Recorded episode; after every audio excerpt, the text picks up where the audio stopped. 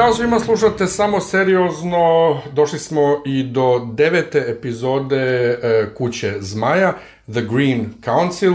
Ja sam Miljan. Ja sam Isidora i ponovo smo u krnjem sastavu zato što nam je odsutan Nemanja. Tako je, a ovaj, ja sam tako uživao slušajući vas dvoje prethodne dve nedelje, ovaj, što nisam podelio, možda sam rekao u, pod, u Nemanjinom mom podcastu, ali jednostavno kao fan ima čovek potrebu da sluša e, nečije mišljenje, a ovi razni, e, mislim, strani fandom je vrlo, vrlo ograničen. Znači, došlo je dotle da ljudi stvarno ne znaju više, ne znaju ništa o ovoj originalnoj seriji, nego kaže žena na ono jednoj, na onom jednom ovaj, grupi, kao demon će biti Night King, evo to sad već kao mogu da kažem. I kao, ženo, ti Znaš ko, Fandom je stoka, to je jedna da. od či, životnih činjenica koje moramo da prihvatimo i ja sam više puta pričala kako mi je sada postao najveći izazov kako da se izolujem od fandoma, odnosno da me toliko nerviraju razne budale sa raznim mišljenjima koje tako ove, veselo dele na sve strane i koliko god da ti pokušavaš da se udaljiš od grupa, mutuješ stranice i ostalo, uvek ti algoritam društvenih medija ist kopa nešto što će nešto. da ti stavi na newsfeed, do čega ne možeš da pobegneš, a onda si radozna, onda osjećaš potrebu da i dalje vidiš šta to ljudi ovaj, zapravo misle i onda kad vidiš šta to ljudi misle, onda su u fazonu u ognju da se sažižu, da. što mislim da treba da bude light motiv cijele ove epizode serije, ovaj, cijele serije. Znaš šta, um, ja imam problem, mislim, ja stvarno volim neke algoritme kako funkcionišu, tipa na Spotify vrlo dobro prepoznaje šta je moj ukus. Spotify je jedini algoritam je koji je do sada meni pomogao da to. otkrijem jako lepe tak, nove umetnike, čiji zvuk mi odgovara onome što slušam tako. inače, a ne bih ih možda da. ovako da. sama Ali iskopala. Google, recimo, Google asistent na telefonu je užas. On je meni jedno vreme izbacivao svaki dan od neko, sa nekog sajta domaćeg Espresso ili nešto, kurs evra, ne znam zašto. A onda ja naredi mu da mi ne izbacuje više espresso, jer ne možeš samo temu da ugasiš, šta on radi, on mi izbacuje da sa drugog sajta isto to, i sve tako u krug, onda je čak jedno vreme izbacuje, i čak i kad ti kaš nisam zainteresovan za to, on ti izbacuje. No, da se mi vratimo na seriju. Um, mislim da je ova epizoda jedan najbolji pokazatelj koliko ova serija odstupa od... Uh, knjiga? Ne od knjiga, to, to ne znam jer nisam čitao ovaj knjigu, nego od šablona devete epizode Igre prestola. Jer ja sam iskreno očekivao mnogo više dešavanja u epizodi, mnogo veće twistove i šokove, a onda provedo smo celu epizodu, iako sam vidio da se zove The Green Council ili ti Zeleni savet, Nigde Renire, nigde demona. Ni... A, koncept je takav, znači ovo je vrlo namerno, da će deveta epizoda da se bavi samo zelenima, a deseta samo crnima i da imamo jedno krunisanje u devetu i drugu u desetoj epizodi. Znači, I nikakav sukob do moj problem sa ovom epizodom jeste što su nasilno ubacili neka dešavanja. Inače, moram da se od, uh, ogradim pre nego što krenemo sa bilo kojom pričom. Debil je davo neke intervjue u skorije vreme koje mislim da valja pomenuti za čitav kontekst. Misliš u vezi sa Viserisom i kako bi on sad e, rado napisao sve novo? Što se tiče Viserisa, to zapravo mogu da potpišem. Uh, Paddy Considine je bio fantastičan u ulozi. A, e, toliko je dao nijanse duha i karaktera tom liku i dosta toga je bilo i na njegovu sobstvenu ruku, da je malo to ne potpuno e, ličnim pristupom obojao karakterizaciju na način koji je oplemenio originalno štivo ali e, nije to sada stvar, e, iako se slažem sa konstatacijom da od e, svih silnih preproduciranih serija u poslednje vreme sa svim silnim CGI efektima, sa svim silnim spektaklom, ništa ne može da se meri sa emotivnim nabojem kada starac koji se raspada pokušava da pređe preko sobe da bi zaštitio čerku. Sve je to izvuko perfektno, ali ne, Debel je rekao nešto drugo. Dve stvari. Jedno je da po njegovom mišljenju da bi se sve lepo obuhvatilo, serija treba da ima četiri sezone. Da. To je okej, okay, ali ako treba da budu četiri sezone u pitanju, zašto smo koji moji protrčali i smandrljali sve ove događaje koji su na kraju pređeni sa time skipovima koji mislim da nisu bili toliko pametan izbor dugoročno posmatrano, kada smo mogli da damo više prostora likovima da se bolje razviju i da ne uh, da ne preskočimo neke epizode kao što su Harvin Strong, kao što su brak između Damona i Lane, kao što je toliko stvari koje su mogle da obogate karakternu dramu za kasnije, pod jedan. Uh, I zašto to kažem? Uh, zato što uh, mi se čini da takvim smandrljavanjem uh, gubimo na nijansi koja je jako potrebna za kasnije, a da ne pričam da smo imali neke momente kada se setapuje nekakva drama, za koju misliš da će kasnije da bude bog zna koliko važno i da će imati onako katarzičan rasplet, a da se to preskoči kao da ga nije bilo. Kao, na primjer, uh, setimo se one fantastične scene u prvim epizodima, mislim da četvrta, kada uh, Viserys šutira ono mamurnog demona koji uh, moli da mu da Reniru za ženu, a posle kada se njih dvoje uzmu, tajmski prošlo šest godina nikom ništa kao da to uopšte nije bio neki big deal. Jednostavno, ako mi postavljaš dramu za koju mi kažeš da je bitna, nemoj preskakati scene kada ta drama treba da se na neki način emotivno isplati. Pod jedan. Pod dva. Debeli je rekao da će se pojaviti lik za koga sam se ja iskreno nadala da će da bude isključen iz serije. Dairon. Dairon, da. Mm. Uh, Dairon je, uh, za one koji nisu čitali knjigu, uh, četvrti, uh, četvrto dete Alicent i Viserisa, odnosno najmlađi sin, uh, koji je polubitan za, za samu knjigu, u smislu da da, on fakat radi kao nešto u ratu, ali sve to što on radi nije ništa što se ne može premostiti i prebaciti nekim drugim likovima. U suštini, bez da kažem spoiler, mnogo interesantniji kad zagine, E, zato što a, je zaginuo tako da niko nije video šta se desilo, da postoji pet protivrečnih verzija koga je ubio i svako je sebi pripisivao zasluge za njegovu smrt i da je to uzrokovalo čitav niz raznih Anastasija slučajeva kad su se pojavljivali razni pretendenti koji su oni tvrdili da su ono izgubljeni kraljević Deiron koji želi ovaj svoj deo Targarinskog blaga. I nekako mi je to u posthumnoj verziji bio uvek upečatljiviji nego za vakta uloge u, u samom plesu zmajeva. A sad odjedno mi se ispostavlja da Deron nije izbačen iz priče, da je dalje u igri, da je sve vreme kod High Towera u Old Townu i da će da bude kao ono kada su iz Charmed izbacili onu nesrećnicu iz Beverly Hillsa zato što se ovaj, slikala po playboyima i ponašala kao diva, pa da bi bile tri sestre, odjednom se pojavi da e, postoji izgubljena sestra koju su izvukli kozeku iz šešira za sledeću sezonu. Znači, ako već postoji, ako ste ga već nasilno ubacili, tek da ga štiklirate da ga ima, onda ga makar uvedite, makar ga pomenite u razgovoru, ne ovako jebem vam mater glupu. Mm, ima smisla. E, sla, slažem se donekle za timeskipove, ovaj, jer ako uzmemo u obzir da ovo, kao i sve serije, prvenstveno rađeno za američko tržište, američka publika nije shvatila timeskipove uopšte i ko je ko i ko je tu kome šta. I ono... Pa pazi, Nemanja nije shvatio uh, da je Egon oženjen Helenom. Pa A pritom Nemanja neku ču inteligenciju ne Nisam, nisam ni ja to shvatio, do toga sam htio da dođem da to ništa nije objašnjeno, ali ovaj, eh, američka publika takođe ispada je da su producenti Igre prestola bili u pravu kad su menjali imena ovaj, likovima, da ne bi bili previše slični, dakle Oša i Aša i Robin, odnosno Robert i Robert, ne razume uopšte ko je Egon, koji je Egon, oko, znači većina ljudi, čak i ozbiljnih reviewera nije razumela da Egon o kojem govori Viserys, da je to isti Egon osvajač, o kojem je govorio već u prvoj epizodi, dakle pre samo 7-8 nedelja, da je to Egon osvajač, a ne njegov sin Egon.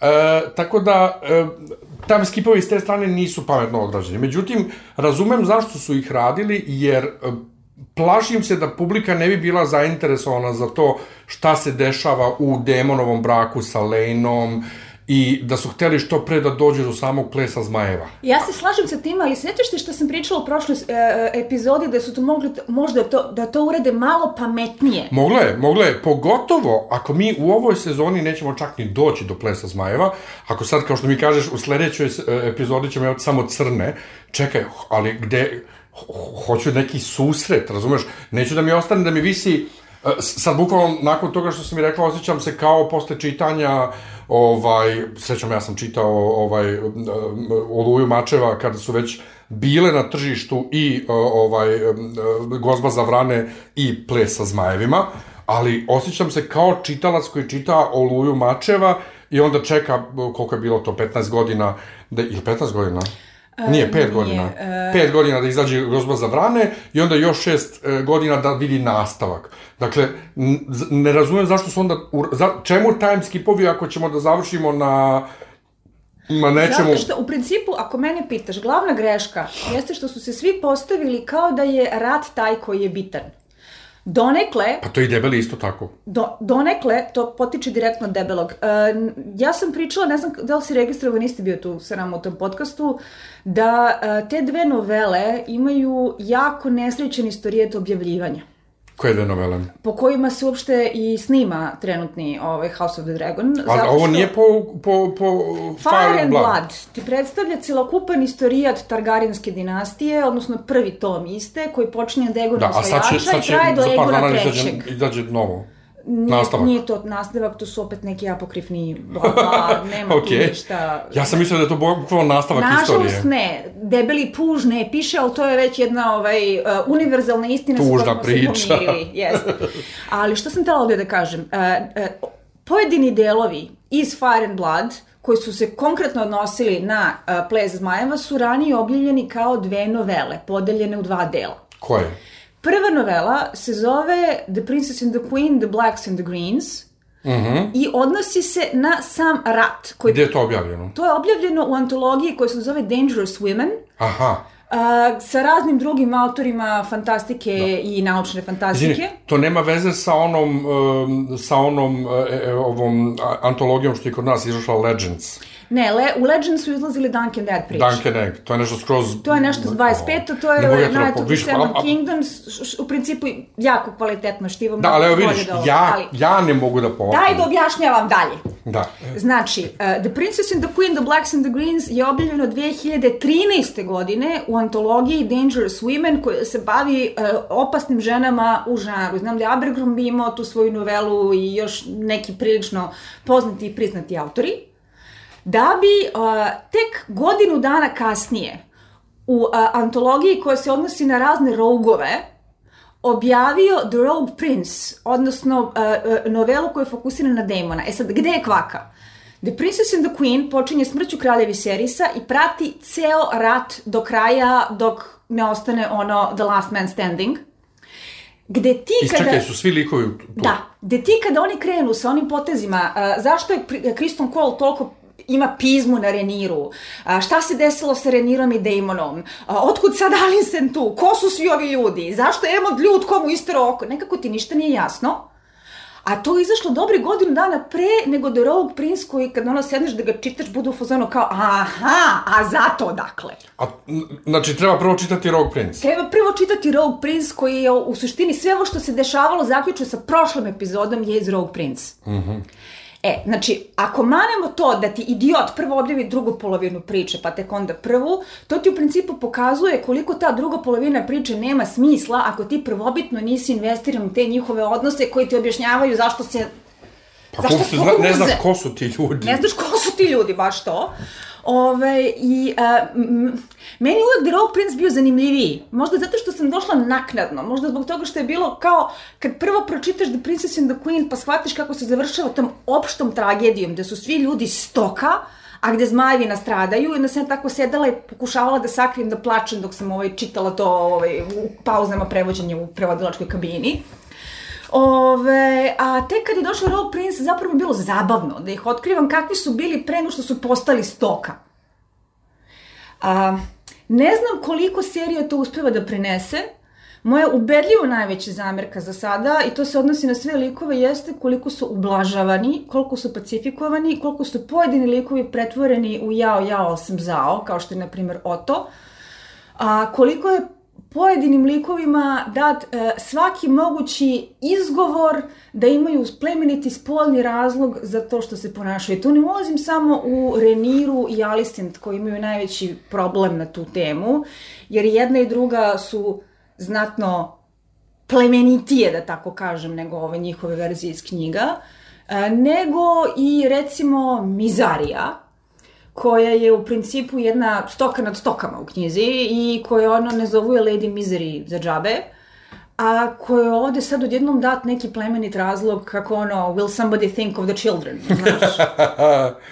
E, Da, hajde e, pre nego što e, pređemo konkretno na epizodu, a ne možemo ići linearno nikako, ićemo po likovima recimo. Ja sad naravno verujem ovaj, da neću moći da izdržim, da ću preko leta, odnosno preko pauze da čitam knjige. Odakle krenuti onda sa čitanjem? Da li čitati dakle prvo Rogue Prince. Slobodno, ne, slobodno možda čitaš Fire and Blood zbog toga što te Fire and Blood jako lepo uvede i u situaciju koja je izazvala sranje, odnosno provede te od Egona osvajača, preko Megora, do Harrisa i njegovih 50 godina mirne vladavine, do nasledničke krize kada su Viserisa izabrali za naslednika, a, pa onda Viserisova kratka vladavina, pa ples zmajeva, pa posle toga Aftermath plesa zmajeva sa Egonom III, sa kojim se u suštini i završava cela priča. Dobro, a onda ovaj, uzeti čitati te novele. E, ne, novele su postale deo knjige. On je čovek reciklirao sobstveno štivo. Pa da, ali, ali jedno... Ne, ne, ne, ne, ne, ne Ček, kapiraš. pa ne kapiraš, jesu novele, jesu novele, Novele pisane su kao... objavljene kao novele u antologijama, a onda je isto to iz novela uhvatio, reciklirao zajedno sa nekim materijalom koje je ranije pisao Ne, Targaryenima. ne, ali pisano je drugačijim stilom u Ne. smislu. Nije. Ne. Isto to što je objavljeno u novelama ti se nalazi u knjizi. Samo što je prvi put objavljeno e, e, u antologijama A, pa ja sam mislio da iz tvoje priče o Fire and Blood da je to pisano kao fake istorija, Jeste. a da su novele pisane kao ne, ne, novele ne, ne, ne. njegove. Novele su fake istorija. A, bože, sad čuje. Dobro. E, ja, ja bih krenuo prvo sa likom ko- kojem bih najmanje rekao, a to je Kristen Cole. E, hoću, Brate. hoću tebe da mi, da mi, da mi objasniš, dakle, iako sam ja ono, f, f, totalno u fazonu no spoilers, e, da li je on ovako, ovakav kreten i u knjizi? A, I da li u knjizi imamo bar neku naznaku Da, e, zašto je on takav kreten? U knjizi je njegov istorijat veze sa Renirom dat malo drugačije. Šta se tu zapravo desilo, odnosno šta se tu zapravo nije desilo. Uh, utoliko što se stalno insinuira da, uh, za razliku od priče kako je predstavljena ovde, a to je da je Damon njena prava ljubava, da se Kristen Cole našao kao uslužni vibrator, a u knjizi je obrnuta situacija. Ona je bila maksimalno zatreskana u kola, a Damon se tu našao kao neko ko je potpomagao i edukovao je i tako dalje. Uh, po jednoj verziji događaja. Po drugoj verziji događaja, kad je e, saznao da se udaje za čoveka za koga su svi živi znali da je gej, Kristen Cole je došao sa tom nekom romantičnom pričom da će ono da je odvede preko sedam gora, preko sedam mora da žive srećnim životom i da im se izgubi svaki trag, što je nju užasnulo. A druga verzija priče kaže da je ona ovaj, sa Damonom eksperimentisala sa svime, osim što je direktno, jel te, ovaj, skinula mm, mrak ili nije, pa je došla Kristonu Kolu sa tezom da se sačuvala direktno za njega, a da je navežbana za sve ostalo, pa se Kol koji je pristojan čovjek užasno izgrozio i krenuo da je prezire. To su dve verzije priče za koju ne znamo koja je istinita s obzirom na to da je to priroda knjige. Da, ovde nema ništa od toga, ali e, nevezano za njegov odijum prema uh, Reniri, njegovo ponašanje na malom veću, Je eratično. Ska, skandalozno je. Znaš, apsolutno... Njegovo ponašanje je skandalozno od pete epizode. Znači, Ja ne razumem kako on može kao obični vitez zaštitnik kraljice Kako on da sad nije ubije... izgubio posao? Da, da, da, kako nije izgubio posao? Mislim, on jeste izgubio posao, ali niko nije stao na stranu napravili komanda, da komandanta. Zato što su to napravili da je ispravo slučajno, da on čoveku zveknu glavu, ono, alo, tišina tamo, jel te? A pa da mu je to tako ups razbio lobanju, što nije isto kao u knjizi. U knjizi se pravi taj jedan vrlo čak epski moment od smrti Lorda Bisberija, kome preseče on grkljan isto tako, ali u situaciji kad se već zna kuda to ide. Jer se tu već su se ono izvukle šake iz rukavica i ne pravimo se fini i otvoreno smo u tezi da idemo na to da Egon bude na prestolu, na jednoj strani. Na drugoj strani, a, postoji nešto što mi se dopada kao izmena, jer mi se čini da čini priču zanimljivijom, ali isto tako bih i udarala glavom u zid na to. A to je? A, unutar porodični sukobi među zelenima. Dobro, doći ćemo do toga. Moje pitanje isto je, ok, jasno je da je on postao Lord Commander, ali otkud sad njemu uloga da on proglašava kralja, još da kaže on je true king, to, to, to mi nimalo On nije jeste leglo. kod Martina Kingmaker, ali... A, A baš mi nije leglo. Ovde, ovde deluje nekako postoji nategnuto, da, zar ne? da, deluje nategnuto.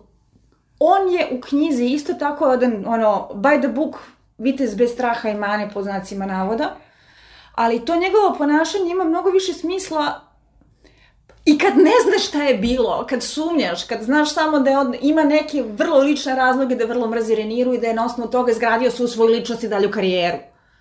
Nego ovde što ti je dato onako malo malo je melodramski jeftino, malo postaje Pa da. premisa prezenta u trenutku kada to ne bi smelo da bude. Pa da, zato što on, on u, u seriji on je samo jednom bio s Renirom, zaljubio se i sad je Nije stvorio... bio jednom, bio više puta, mislim da su to mnogi pogrešno protumačili, zato što je prošlo više vremena. Da, prošlo vremena. Ali svejedno, on je, um, svejedno, ona ga je odbacila i on je odjednom se toliko vezao za Alisen da je sad ono Alisen koji je bog.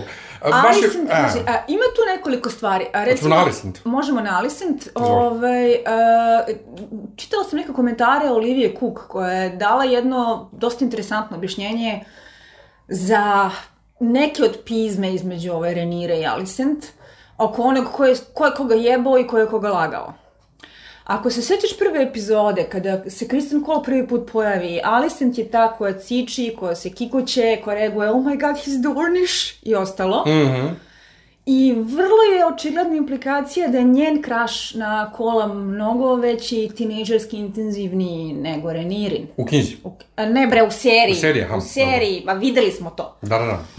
A, teza po kojoj Renira ne samo da je lagala kad se zaklala u mrtvu majku da ništa nije radila i da je dalje nevina, ovaj, nego da je još a, se kresnula sa Kristonom Kolom za koga je znala da se Alicent loži na njega i za koga je znala ovaj, da bi trebalo da bude zakletna čednost i nevinost. A, za Alicent može da bude isto tako jedan vid izdaje koji u tim nežnim tineđerskim godinama ume da jako boli. Ovaj, svako ko je prošao kod srednjoškolske muke zna kako ta vrsta ovaj, problema izgleda. Tako da mi je to bilo e, interesantno objašnjenje još jednog sloja animoziteta.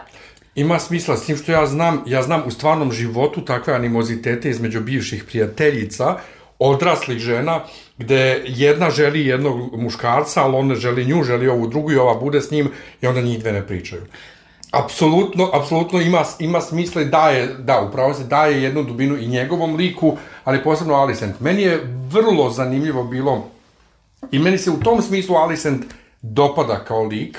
Meni Koliko- Alison strava kao koliko to god da želimo da je mrzimo, Ja ne a- želim da je mrzim, ja želim da ih mrzim sve. Pa ja želim da mrzim zelene, ovaj, jer ne sviđa mi se Otto Hightower ni malo, ali ovde prvo to cepanje između nje i, i oca, ali ti ovde vidiš prvo da je ona zapanjena da su oni planirali izdaju ovaj, svima iza leđa, a drugo, to njeno, mislim, ona iskreno plače kad sazna da je, da Viserys Ona je Nocturne. vezana za njega. To što Da. oni nisu imali ispunjen seksualni romantični život ne znači da nisu imali jako emotivnu intelektualnu Ona njega volela, znači, To se vidi. i ono kako ga je pazila, iako i tu bilo između njih ovaj, neke hladnoće, jeste ona njega volela i to mi se dopada. I dopada mi se što neće da dopusti da, da, da ubiju Reniru i, i sva ta njena borba i, i, i pokušaj da se spoji sa Renis i sve, gde ona shvatila da je ona A, taj razgovor sa Renis mi je malo bio jeftin. Jer mi je malo izgledao kao Feminism 101. Pa jeste, jeste. A, problem je u tome što ti možeš da takve teme i tekako provlačiš kroz priču, ali ako ih provlačiš već, ako hoćeš da ti to bude poruka, radi to na subtilniji način, a ne da se osjećam kao da se neko dere na mene kroz megafon u lice. E, Jeste, ali ja sam to prihvatio nekako, kad sam već prihvatio da žene sede, znači, e, 300 godina pre igre prestola, da žene sede na malom veću, kao, a, može sve. Znaš, može i taj feminizam, ajde. Problem jeste što to samo doprinosi uh, percepciji teme serije gde ja sad već počnem da se osjećam kao da sam ja tako ime izvitoperen pristup, a to je da sam ja sve vreme doživljavala kao da je naravoučenije ove priče da svi postoje govno u borbi za vlast, što je jedna važna i plemenita poruka koja treba da se ponavlja, posebno u doba u kome živimo, gde jako često volimo da mrzimo neke da bi ih mrzeli zato što je cool mrzeti nekoga u ovakvoj seriji.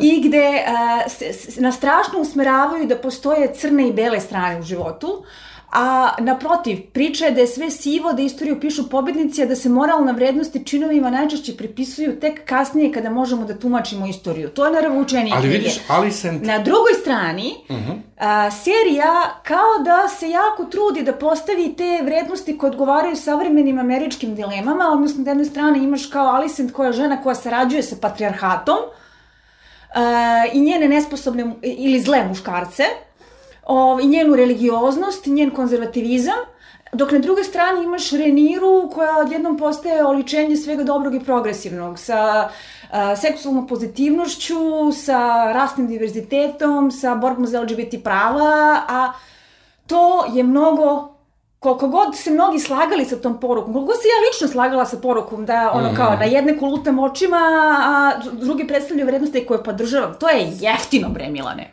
E, jest, jest. Jeftino je. To, toliko se razbesnala sam i pogrešila ime.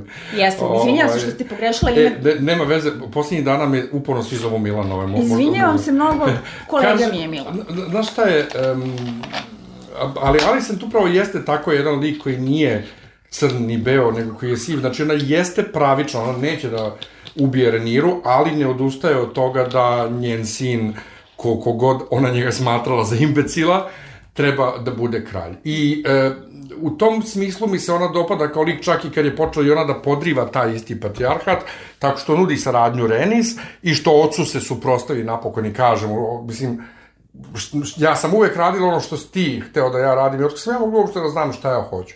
Tako da, uh, ona mi je super i nadam se, mislim, glumica, glumica je stvarno ova, odlična. Glumica Kida. Glumica Odlična je. jako mi se sviđa kako Olivia Cook igra, igra je sa pravom dozom histerije i paranoje, I smi, a smirena a da pritom strane. bude neko sa kim možeš da se osjećaš i da ti bude jasno zašto se ponaša kako se ponaša u svakom trenutku. Koliko Da. god je scenariju usmeravao i čak je oprao od nekih stvari ko, za koje ne bi trebalo da ih ope, da opere isto kao i Reniru, odnosno pustite žene da budu zle i ambiciozne, to je prava rodna ravnopravnost. I u tom smislu, kad ona dođe da kaže Heleni da je otac umro, uh, ja u tom drugu shvatam, jebote, je njoj čerka i snaha istovremeno. Uh, setio sam se toga da ni ja nisam skonto da su, He, da su He, Helena i Egon u, u braku, niti da je to uopšte Helena, niti da je to uopšte njihova čerka. To su vrlo e, smandrljali odnose unutar e, ta, tog dela Targaryenske porodice. Dakle, ko su deca, ovaj, e, ko su deca Viserys i Alicent i, i koji su njihovi međusobni odnosi. Ali, dobro, Alicent, kažem, nadam se da će da nastavi da vozila. jedina scena koja je meni baš onako jako zasmetala u ovoj epizodi, do te mere da sam bila ono u fazonu brain bleach, potrebno mi je nešto da potisnem ovo što sam upravo videla, je Laris. E, da, to sam isto htio da kažem za Alicent, to me malo iznenadilo, ali mi je nekako i logično, mada sam očekivao da će Laris više da, da traži neku, ne, neku moć, znaš, neki uticaj, ne, ne, neki položaj, a ne ispunjenje nekih svojih fetiša, s tim što nekako čudno, a opet tako martinovski da čovek koji je, ima jedno uvrnuto stopalo ima food fetiš. A, znači, jebo ih Tarantino. Jel da? A, meni je scena zasmetala opet zbog a, toga što zbog senzacionalizma pojeftinjuje priču. A, glavni sukob između a, manipulanata i a, majstora špijuna jeste na liniji Mizarija Laris, što se sada može reći da se ono pomalo uspostavlja, pomalo ne. Pa da, on, je, on tražio, on je bukvalno, ali sam tražio da, Ali- da ubije mi, Mizariju. Ali e, glavni problem u cijeloj toj priči jeste da ću ja radije da progutam Larisa kao neko ko ponovo e, je tu da bi se dokazao kao sposoban s obzirom na to da je odrastao pored prečasnog oca i presnažnog brata, on takav obogaljen, gde mi se najviše dopao još u onoj prvoj epizodi kada su ga predstavili kao nekoga ko se pravi da je mnogo slabašniji nego što jeste da bi sedao i pratio tračeve jer znanje je moć. A sad je jednostavno previše Littlefinger. Sad je, čak nije ni Littlefinger. Littlefinger se držao dostojanstveno do nekih epizoda kada su stvari počele da idu u kurac, a ovde je baš postao onako... Uh, toliko ima nečega neprijatno, kripi, seksualno devijantnog da, da ti se prevrne želudac, da ti je ono potrebno bukvalno da varikinom Ma da, kad god ga vidiš, ali, ali možda to je uspeh i glumca i scenarija, ti kad vidiš lika, mu- muka ti je. Možda, možda je, Ja, mislim, ja, ja se opet vraćam na, ali smo mogli malo subtilnije da budemo. pa da, kažem ti mene, ali, pri- znaš šta, na, na našu sreću opet i ta scena nije toliko eksplicitno prikazana, E, fokusiramo zato što se na je Reniru. žena to radila, na Alicent ne na Reniru, zato što je žena režirala, mislim da, Da, da ovo ista rediteljka koja je radila onu epizodu sa bordelom. Jel da? I zato što je to opet fokus na to kako to izgleda iz perspektive njene. kada ti se to radi, a ne kada si Da. ti objekat želje. Da. Što je okej, ali opet se vraćamo na to. Stalno od ženskih likova prave žrtve.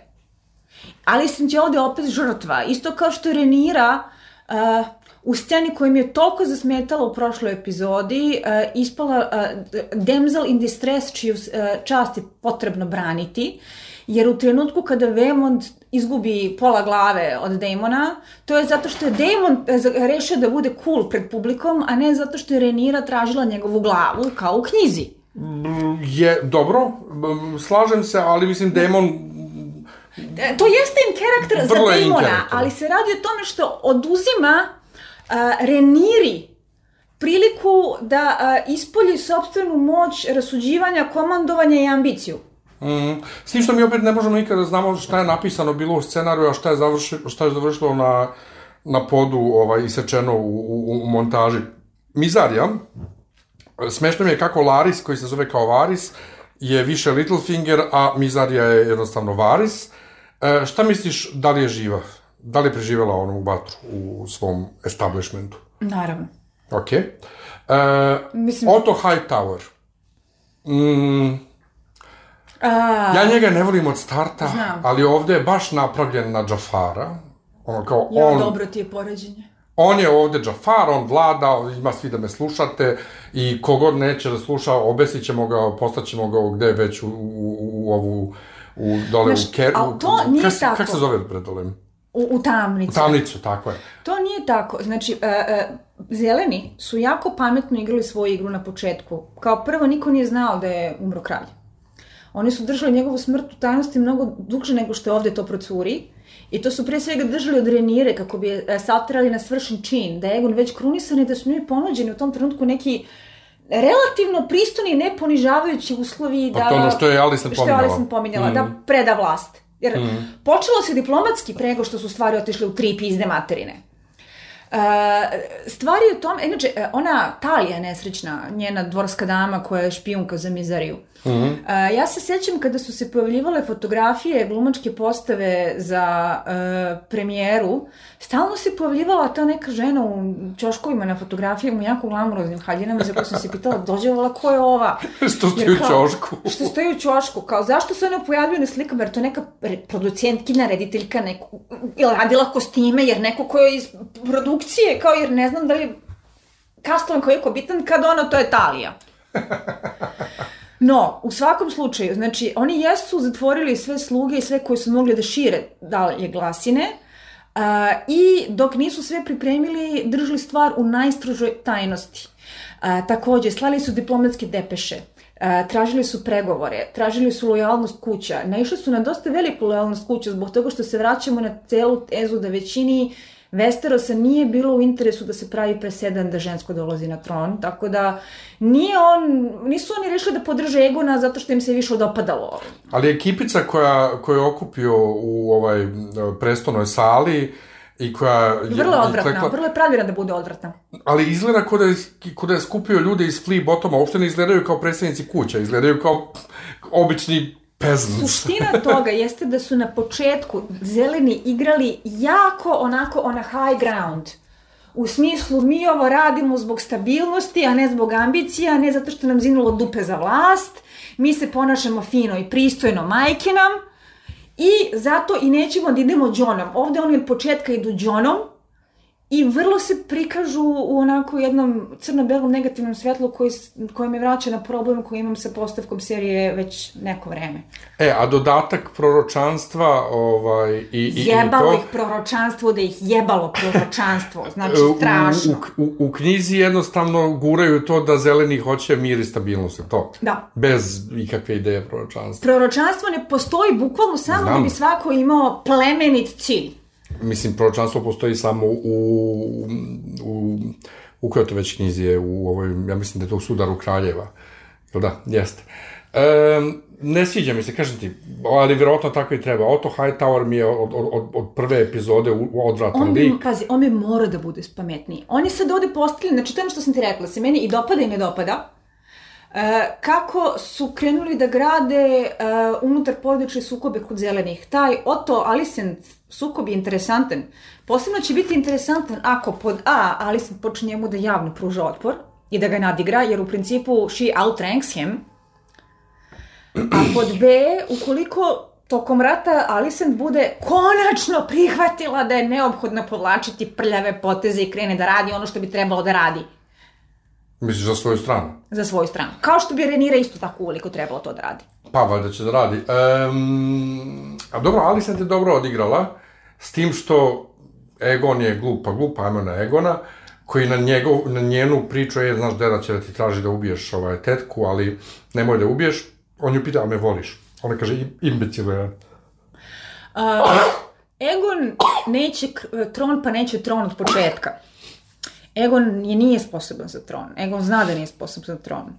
Egon je ovde napravljen redko antipatično. Uh, ne sviđa mi se što su uveli 350 onako uh, nepremostivih karakternih mana da bi prikazali koliko je nepodoban. Em je silovatelj, em ono uživa u borbi dece ko u borbi pasa. Što je inače nešto što zvuči kao element koji postoji u Martinovom svetu, ali ga nema u knjigama, ne pominje se nigde. Hvala Bogu. O, Bar nešto. a, gde a, ja ne znam da li su mogli da urade nešto da ga naprave gluplim, antipatičnim, zlobnim i nesposobnim. Mada on nije Joffrey, u smislu da on ne želi moć, on samo želi da ga se pusti na miru, da bude svoj, ono, a, uživa u svom dekadentnom postojanju i da ga ne guraju na vlast. Da li je postojala mogućnost da on abdicira i da pređe na Aemonda? Ne znam, pita Edvarda VIII. Pa ne, pitanje je da li bi... Čekaj, on, on ima beša mušku decu sa Helenom. Ima. Sad, moje pitanje, stvarno, treba bi neko poput Ne, Nenada, ako se to e, razume, mislim da li bi prešlo na njegovu da decu ili na brata? na decu. Mislim da bi prešlo na decu, mada Emond ovde kaže da bi on bio naslednik. Da on drugi u redu za tron, da, to on kaže. Kaže. Ko zna. On mi se sviđa. On mi se sviđa. I meni isto. Mnogo mi se dopada i ono što si ti rekla i što su svi ispravno videli e, e, ljubav, poštovanje između njega i demona, e, baš je, baš je super lik, iako mislim, meni se niko od zelenih ne sviđa, jer baš su ih loše vaspitali, znači, e, ta, ta pokvarenost, mislim, ja generalno ne, ja ne mogu tu pokvarenost likova, to, o, znaš, ko prozivanje ovih renirine dece i, i to je kao, why can we all just get along? Mislim, ja sam ono, A, jel treba da se vratimo na onu scenu da Renirana deca njega zapravo prvo napadnu? e, pa demonova deca. e da, inače moram se vratiti na, na prošlu epizodu kratko. Bilo mi je presmešno što Renira pregovara sa Renis o tome da se njeni sinovi e, venčaju sa njenim unukama, Kad su to demonovi čerke. kad su to demonove čerke, čerke njenog muža, njenog strica, što ne bi pregovarala s njim. Hashtag logika. Bukvalno. Ali bukvalno. da? A, e, to su pojedini problemi koji se lagano gomilaju i koji predstavljaju neke glupe logičke rupe. Znaš koja je mene bila beskrajno Čekaj, to bilo, ali u, ali u knjigama je to isto tako. U Mislim, knjigama je to tako, ali u knjigama su oni verani, ali niko ne pita Renić šta misli o tome. Pa to, e, pa to, to. Znači, opet je ono girl power moment e, nepotrebni. Da. Ove, a, ko je meni bio baš logička rupa moment u ove epizodi? Ne znam koliko ga ljudi primetilo, jer nisam videla da se bilo ko osvrtao. Kad se sretne sa Mizarijom, Oto se ponaša kao da se prvi put vide i čak je pita jesi li ti sam još jedan sloj u ovom smrdljivom luku. On Mm. bi trebalo da zna. Pa nisam ja mm, shvatio da on nju ne zna, nego on samo ne zna da li je ona taj white worm čuveni. Ona treba, znači ona je bila na vrlo istaknutom položaju kad je bila cijela ona drama oko krađe zmajskog jajeta. Da, da. On bi morao kad je vidi da poveže kockice. Pa nisam ja shvatio da on ne zna ko je ona. Nego samo da nije znao da je ona taj čuveni white worm. Scena nije dobro napisana da Ili možda nije dobro izmontirana, naš. fali mi, ne, znači, a, da. a vraćamo se na to, a, imaju vrlo istorijat i ona je za te silne godine daleko dogurala. Trebalo bi da to prođe malo drugačije nego, a jesi ti deo ovaj, luka koji ljuštimo. Da. E, I što si rekla njeno uh, Somebody Think of the Children, previše mi je Jeftino, moderno. melodramski. I previše mi je Daenerys, previše- Daenerys spasiteljka. Mnogo toga je previše jeftino, moderno i melodramski. Ali e, da se vratimo na, na, na, dakle, na, na Renis i na tu celu priču, um, meni je Renis od početka, da li zbog uh, harizme glumice, vrlo mi je cool i, i ovde je ispala, ispala je baš cool u epizodi, S tim što, sad smo skočili već na nju na kraj epizoda. E, ajde veze. da se vratimo na Emonda ako imaš nešto Ajde, da dodaš. ajmo na Emonda. Um, izvinite.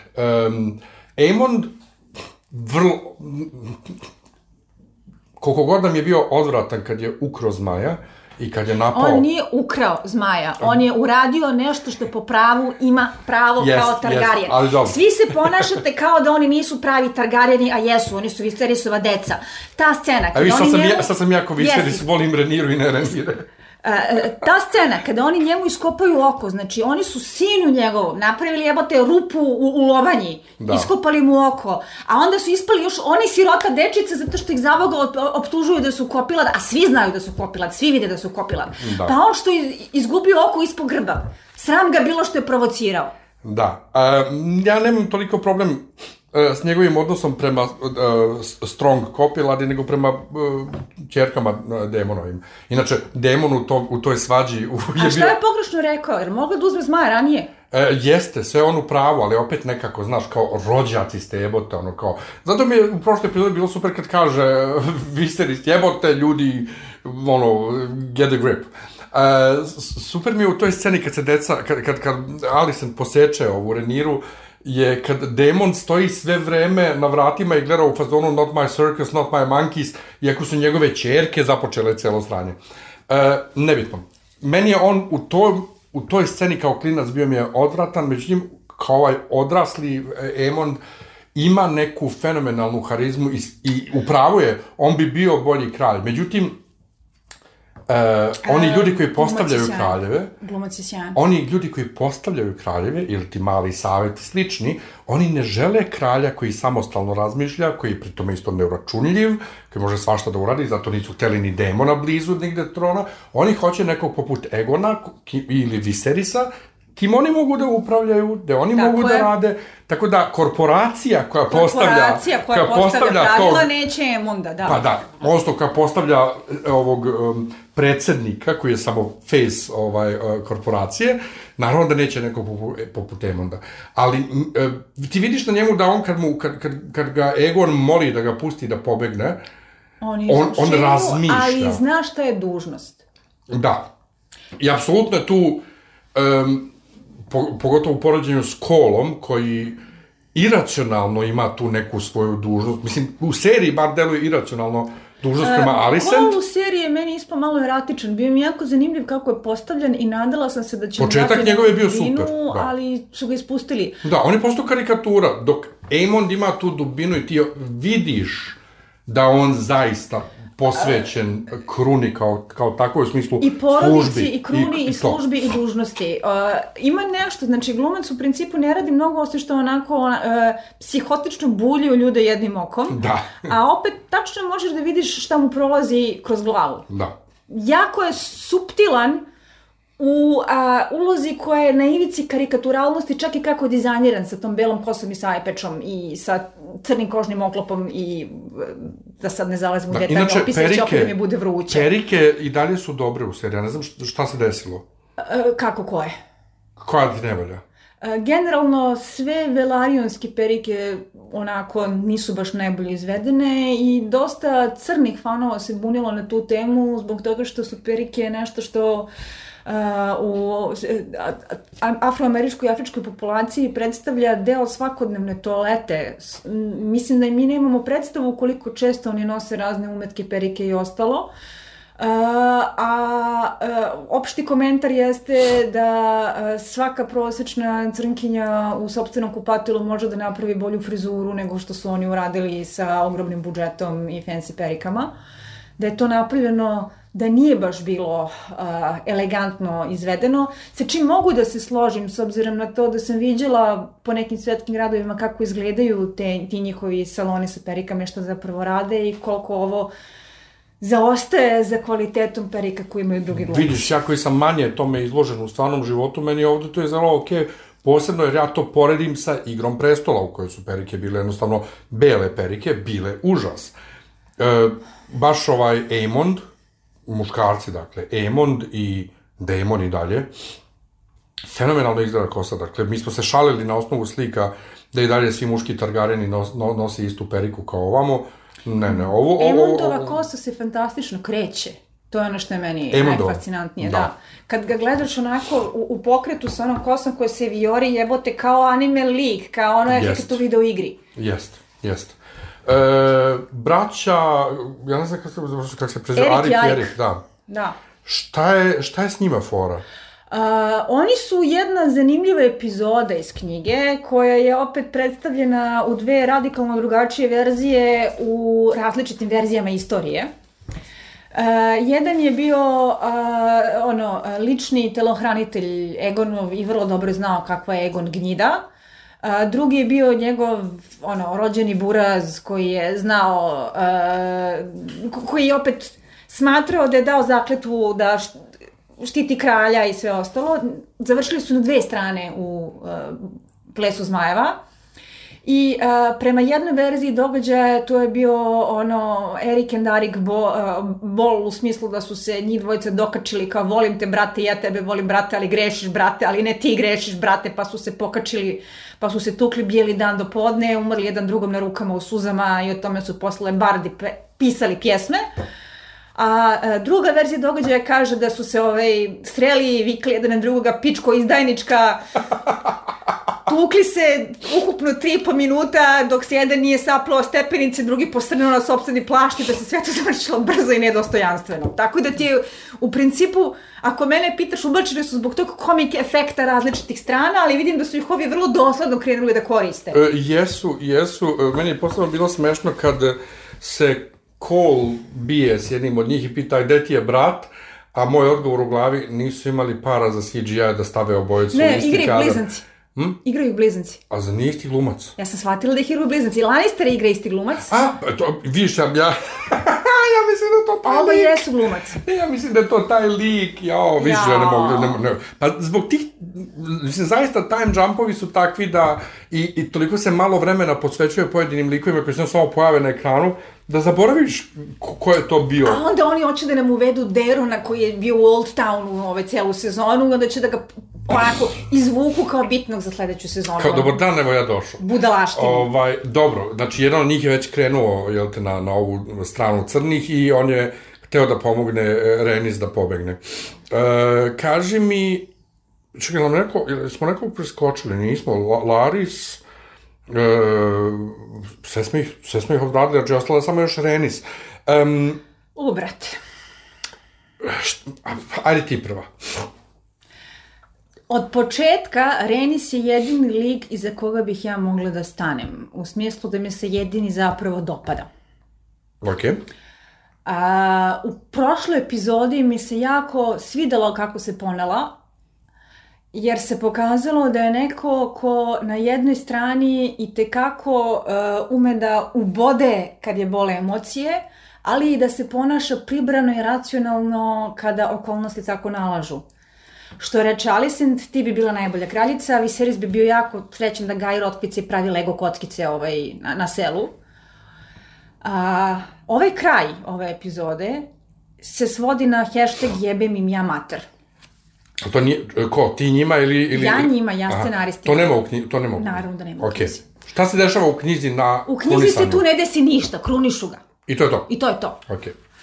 A, gde je moj problem ovde? I to užasan. Oni su očigledno želi da izvuku neki senzacionalni potez za Devetu epizodu. devetu epizodu. A, time što su uradili, su pljunuli u lice kompletne karakterizaciji a, e, e, Renis kao nekoga ko se ponaša pribrano. A, znači, imamo situaciju gde ona uspela da se izvuče. Ako su hteli da bude badass i da pobegne na zmaju, mogli su da to urade na mnogo manje teatralno karikaturalan način. Postoji jedan faktor koji nismo do sad videli. Uh, Egon je krunisan krunom Egona osvajača, koji inače zaista izgleda kao nešto što smo viđali ono decenijama na fan artu gde se znalo da je to skromna kruna od valirijskog čelika sa rubinima, znači ništa mega fancy. To čak nema ni rubina. Ima jedan na čelu. Znači, A. imao je rubine mnogo više u, u, Mhm. u, u knjizi, ali ovako, to je ta kruna. Zaista izgleda kao što se zamišljaš kad je opisuju. Mhm. Dok na drugoj strani uh, Viserys je nosio krunu kralja Džeherisa, Mhm. koja izgleda drugačije u knjizi nego ovde, ali je raskošnija I imala je uh, uh, dragulje od kojih svaki u drugoj boji predstavlja jedno od kraljevstava.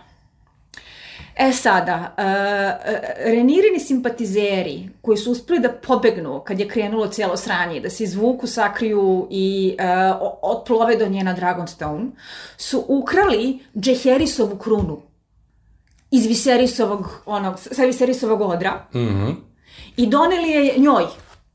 Tako da je čitav dualitet krunisanja da se Egon kruniše Egonovom krunom, a da se Renira kruniše Džeherisovom krunom koju je nosio Viserys. Odnosno očevom krunom. Očevom krunom. Mogli su da naprave da je recimo Renis donela tu krunu. Tu bi još imalo i prilično simboličku težinu da je ona daje tu krunu u smislu da time priznaje na čiju se stranu svrstava, da ovaj, definitivno A može se to i biti u sledećoj epizodi? Ono što su oni uradili sa ovim. Ja mislim da će pre da ovaj, e, to bude ovaj, Arik. Westerling. Koji je, Bivši komander. jeste, da. Dvalain iz Hobita. Da. Ove, ja mislim da... Ček, e, Westerling, izvini što Kao prekidam, Jane Westerling, To je žena, jeste. robova žena u Iz knjizi. knjige, da. da. Ja mislim da je problem uh, u ovom idiotskom nastupu njenom, prvo, što ona njih hvata u najdirektnijem mogućem činu izdaje. Znači, ne možeš očigledniji čin izdaje od onoga što joj se dešava pred očima u datom trenutku. Ima svako moralno pravo da uzme pravdu u svoje ruke i da, Da kaže Drakaris. Da te kaže Drakaris. Ne može ništa da je opere. Mislim, naravno da se to ne bi desilo, da, da bi mogli uopšte da imamo rat. Ali logično ne postoji ni jedan razlog zašto ona to nije uradila. Ali vidiš, ali što je sad ovo pitanje tebi opet kao stručnjakinji, da ona Blago rekla, dra... sam stručnjakinja. da ona rekla Drakaris, ko bi tu poginuo? Da li bi, Brate, svi koji su bili pa, ponovo, da li bi Targaryenska deca ostala živa? A, ako smo videli da je Lena gorela bez problema, Ali ona nije Targaryen. jeste po majci. Pa jeste, ali možda, možda samo... Egon nije po Ali majci. možda samo full Targaryen, a Egon da. nije po majci. A ovi isto nisu po majici, da. Hmm. Zanimljivo. Jer mene sve vreme kopka još od Daenerys i A, Rad... e, sjećaš ko se ne gori? priče, ne gore oni koji su pravi zmajevi. Pa to znači verovatno da su i majka i otac Targaryeni. Verovatno da bi Egon Jer- jer, završio jer kao, se ovaj, i- kao kutija šibica tu. Ko je Egon? A ovaj Egon bi završio, da. Egon dvojka. Da. Ali baš je čudno, znači- meni su bilo čudno što nije rekla Drakaris tamo. Pročitala sam zvanično objašnjenje koje kaže da je ona tu se osjećala sa bolom Alicent kao majke, kao neko ko izgubio svoju decu, pa zato to nije uradila, što ako mene pitaš bullshit. Zbog toga što se dešava pre toga. U tom spektakularnom činu probijanja kroz podrum da bi došla sa zmajem u dvoranu gde se sve to odigrava, ona pobije par hiljada sirotilje raje kao kolateralnu štetu. Narod vrišti, trči, gori, padaju cigle na njega i tako dalje. I tu dolazimo do jednog a, autentičnog momenta besa koji sam osetila, zbog dve stvari. Jedno je, a, knjiga se jako trudi da podvuče koliko a, međudinastički targarjanski rat negativno utiče na raju koliko narod propada, koliko mu se nameću porezi da bi svaka strana mogla da finansira svoj rat, koliko ovaj, nastradava kao kolateralna šteta kad ti poljem prođu zmajevi i sve ostalo. E, I u jednom trenutku, ne znam koliko ovo spoiler ili nije, pošto stvarno više ne znam šta će da adaptiraju, presudni moment za dalji razvoj radnje jeste kad ustane kuka emotika, kad kažu dosta jebite se i vi i vaši zmajevi. I to je a, jezivo. Jezivo u knjizi. Šta se desi kada narodu bude dosta?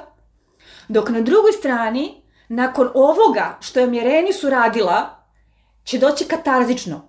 Ide do reč. Jebo ja vas i vaše zmajeve i vaše igre prestola i sve ostalo ako ti misliš da ti skroz okej da prokrčiš put kroz narod, da bi mogao da onako napraviš grandstanding statement da te svi vide i onda ne uradiš ništa.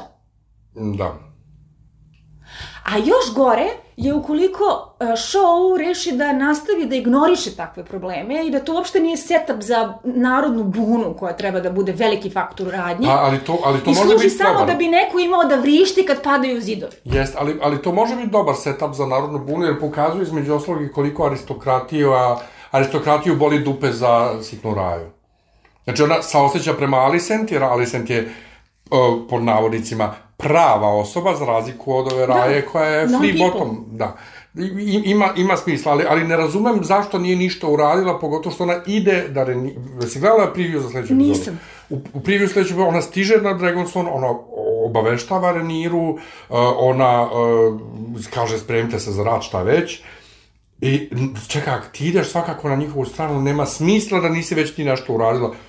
Glupost. Ili ona nije Glupost. htjela da To služi samo da bi imali senzacionalnu scenu na kraju koja ne, a, apsolutno ni na koji način ne doprinosi ni radnje, ni karakterizaciju, osim što je budalaština. Ali Zmaj dobro izgleda.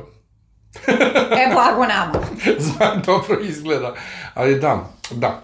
Zato kažem, vrlo odstupa uh, epizoda od, Znaš, od vidim šablona devete epizode. Di di debilitet iz ovakvih odluka, kada je bitnije da nešto bude a, senzacionalno i da izazove uuu reakciju u publici, pošto sam videla naravno masovna navijanja sa ove, je, jebi mater, je, bedes Renis na zmaju. Volilo me što je baš Renis od svih likova mor- morala da popije retard pilulu za ovu epizodu. A ovaj, ono što mi se od uvek dopadalo kod Martina, što mislim da mi je privuklo njegovom pisanju kad sam počela da ga čitam pre 20 godina, jeste što kod njega ne važi takozvani rule of cool. U smislu, a, možeš da probaš da napraviš cool poteze, mogu da potraju dan ili dva, onda će ti se olupaju glavu i da zažališ što ti je to ikad palo na pamet. Onog sekunda kada rule of cool postane glavni postulat na kome se gradi dalja radnja, stvari idu u tri lepe pizde materine, to sam ja rekla još kada je bila Battle of Bastards svoje vremeno u Thrones, ovo je trenutak kada stvari više neće moći da se poprave i vi ste svi mislili da ne želim da se dobre stvari dese dobrim ljudima, ispostavilo se da sam u pravu.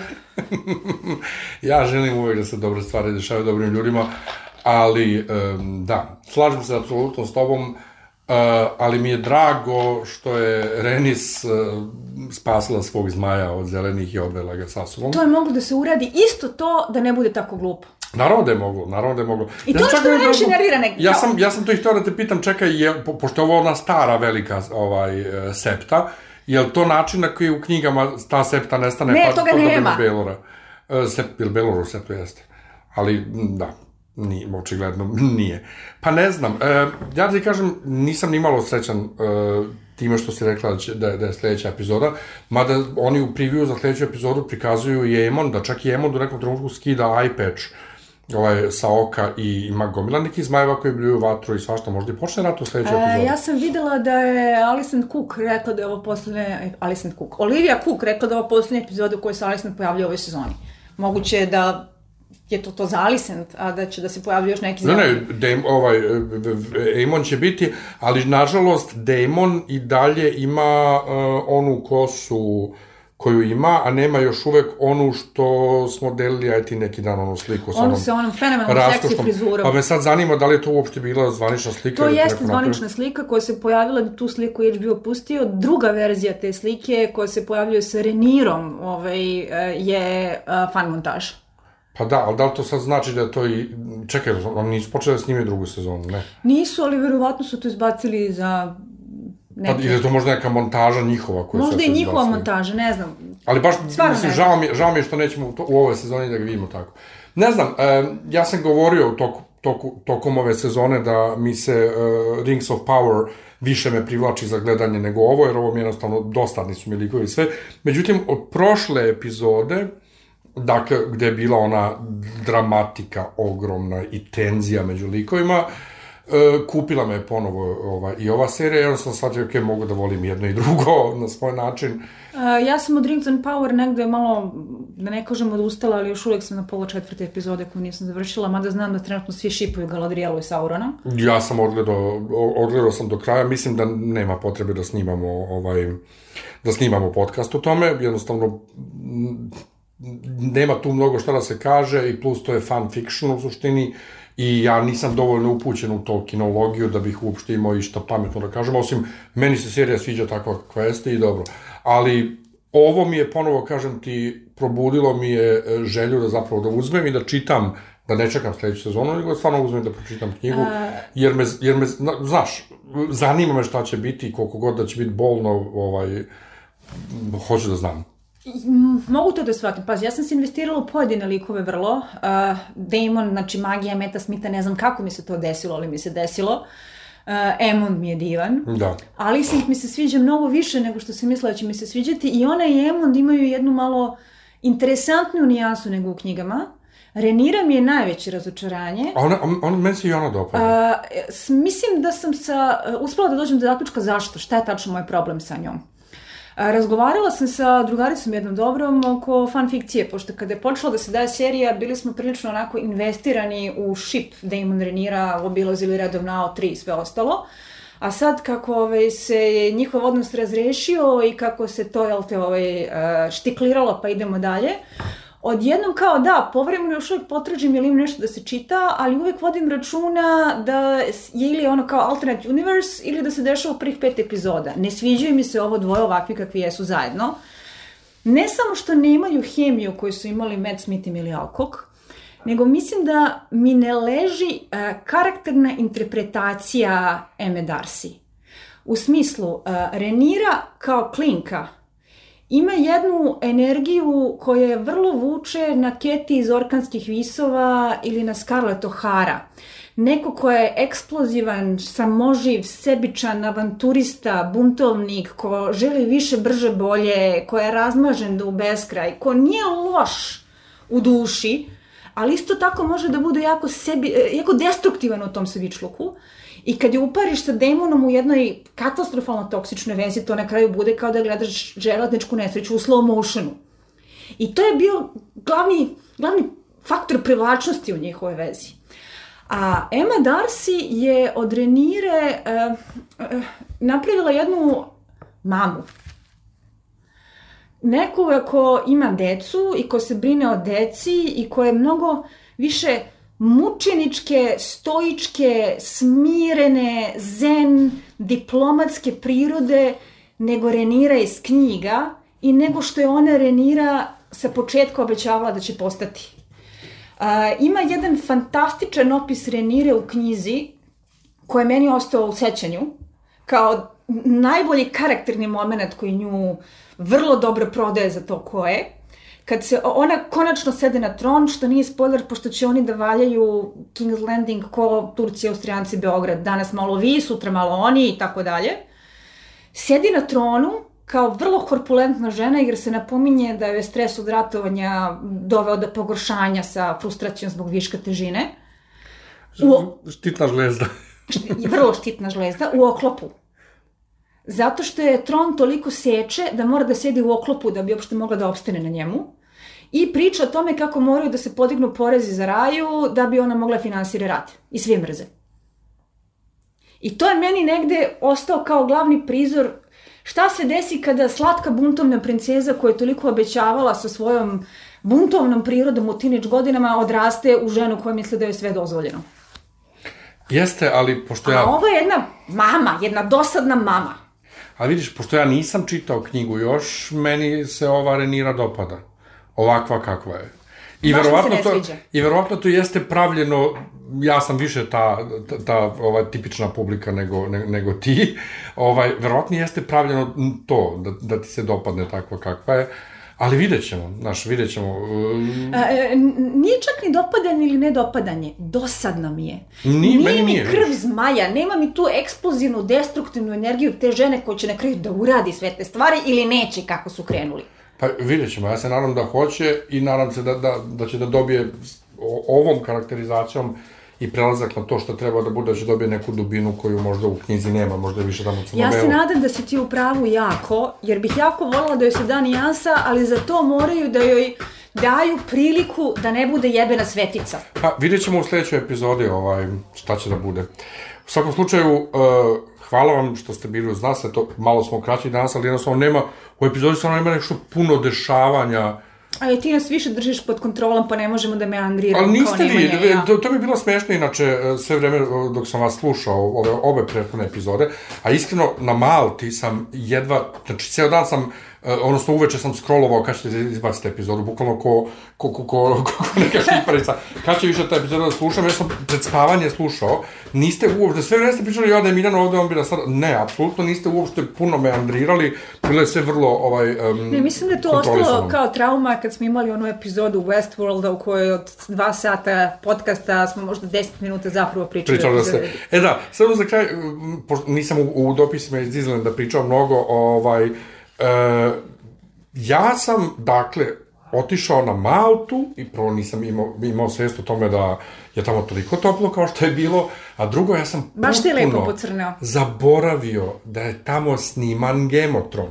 Naš drugi dan boravka tamo, ne računam prvi dan kad smo odleteli, ali drugi dan boravka tamo idemo u Valetu, izlazimo sa trajekta, ulazimo u lift, penjemo se gore na tvrđavu, na, na grad i okrećem se, i vidim poznat mi prizor, ovo je jebote King's Landing. I kontam, kako bre, pa to nije u Dubrovniku, čekaj bre, gde je to snimano? I vidim sliku, to je to. Ja sam vama pisao i potpuno sam odlepio, nisam mogao da verujem.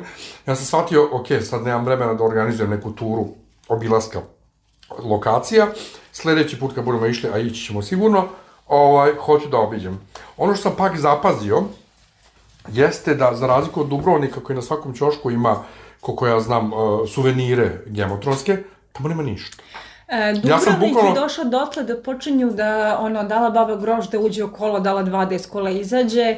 Jako žale odluku da od grada naprave Gemotron Disneyland, jer su kao, ono, par vekova istorije grada koja je mnogo bogatija i dublja nego jedan Gemotron sveli na to da ljudi dolaze da se slikaju u King's Landingu. Pa, znaš šta, ali to ti je kao Beograd što se uglavnom reklamira i to zvanično reklamira kao grad noćnog života, splavovi, ovo, ono, spram istorije Beograda, mislim, u turizmu je to, da, daš nešto, e, da, da, da izgubiš nešto.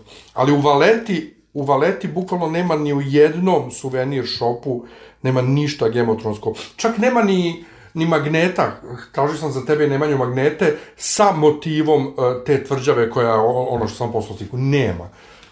To, to mi je jako čudno bilo, ali mal, maleta. Malta očigledno ovaj, polaže više ovaj, na turizam za nešto drugo. Ali bilo je vrlo bizarno da baš taj dan kad vi snimate epizodi, kad je epizoda, ja sam zapravo u King's Landingu. Ali dobro, bilo je lepo, ovaj, Još jednom, dakle, hvala uh, vam uh, svima koji ste uz nas. Pratite nas na svim uh, društvenim hvala mrežama. Hvala što nas slušate i trpite. Tako je. Uh, čujemo se sledećeg ponedeljka za poslednju Nadamo epizodu. Nadamo se u punom sastavu, konačno. Nadamo se u punom sastavu. Ako tad isto iz nekog razloga ne bude pun sastav, 31. dakle, nedelju dana nakon završetka sezone, u Domu omladine u Beogradu u 19 časova u okviru tribina u društva Lazar Komačić, Bićemo nas troje uživo uh, sa jednom rekapitulacijom cele sezone, pa ako ste se uželeli gotovanja uživo, evo vam I samo da serija I da se upoznate sa nama, i Tako da je. se ponovo vidite sa Tako nama. je, apsolutno, tu smo dakle 31. oktobar u, 7, u 17. u 19 časova u Domu omladine, a pre toga naravno još jedno druženje u Samo seriozno. Hvala vam i čao. Ćao.